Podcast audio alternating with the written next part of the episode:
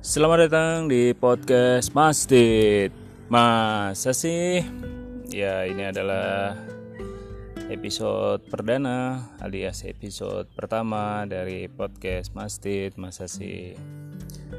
Dan di episode kali ini uh, gue mau uh, kasih ke kalian itu segmen nyanyi alias nyetorin seni. Jadi di segmen seni ini gue akan eh, setoran hasil karya seni gue dan kali ini gue akan setoran puisi gue. Tapi sebelumnya seperti yang kemarin eh, udah gue jelasin di trailer eh, akan ada eh, pantun dua kata kembar. Jadi di pantun dua kata kembar ini gue akan bikin pantun dari dua kata kembar Nah, dua kata kembar kali ini adalah kawan kawin. eh, ada kawan yang kawin. Jadi dua kata kembar itu adalah dua kata yang memiliki kemiripan hanya beda satu huruf biasanya. Jadi pelafalannya jadi beda. Tapi kalau didengerin eh, di telinga itu jadi mirip kawan kawin gitu. Nah, gua akan coba bikin pantun dari dua kata kembar kawan kawin ini ya. Bentar.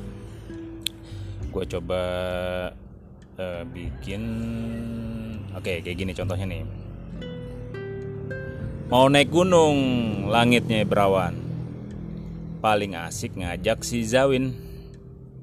Kalau lo lagi sariawan jangan datang deh ke tempat kawan kawin. Nah dapatkan gue nah ntar juga teman-teman juga bisa ikutan uh, entah itu kirim uh, dua kata kembar atau mungkin juga gue tantang teman-teman ikutan bikin pantun dari uh, dua kata kembar kawan kawin.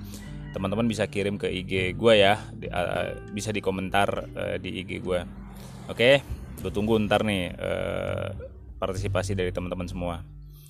Nah sekarang gue mau setoran uh, puisi yang pernah gue bikin tahun lalu. Ini gue bikin tahun 2020 judulnya itu menyambut pertanda. Jadi kenapa gue bikin menyambut pertanda ini pasti teman-teman juga pernah kan e, dapat sinyal atau kayak dapat pertanda gitu kan. Ini maksudnya apa ya? Kok gue kayak dapat sinyal seperti ini nih. Nah, itu akhirnya gue bikin puisi. Isinya tentang apa? Coba teman-teman e, analisa sendiri masing-masing ya. Nih puisinya nih. Menyambut pertanda. Aku memanggil pena yang entah terlupakan atau terlenakan. Sejurus udara malam mengelus tengkuk halusku. Entah kapan terakhir kali kata-kata aku semaikan atau memang baiknya begitu? Dan ide ini hadir kembali ke permukaan. Apakah selalu begitu? Seratus abad akan mudah terlewati. Seiring gema lembut panggilan hati. Wahai rembulan yang merindukan kejelasan pagi akan kupanah setiap kemunculanmu tanpa henti. Akhirnya bersua kembali dengan dentingan ini. Tak pernah jemu, tak pernah letih. Mungkin saja memang harus sunyi begini. Bahkan sekencang auman serigala pun aku tak peduli.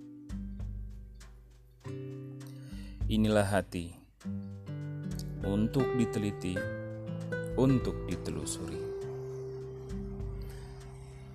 Sekarang bukan waktunya menyapa ataupun bertapa. Herannya, terpatri seperti itu. Jika memang akan membalikan nama, kugaungkan sepenuh waktu. Sepertinya akan berjalan kembali di atas air. Hingga embun malam tak lagi berukir. Jika aku layak untuk mengalir, biarkanlah hati dan pemikiran ini tak lagi kikir. Selamat datang, selamat melanglang, selamat menyelami aurora, dan selamat membahagiakan pertanda. Mastit, 17 Agustus 2020. Eh tunggu 17 Agustus itu kan hari proklamasi ya gue baru ngeh nih kenapa gue bikin puisi ya tanggal 17 ya dan gue lupa itu pertanda apanya waktu itu ya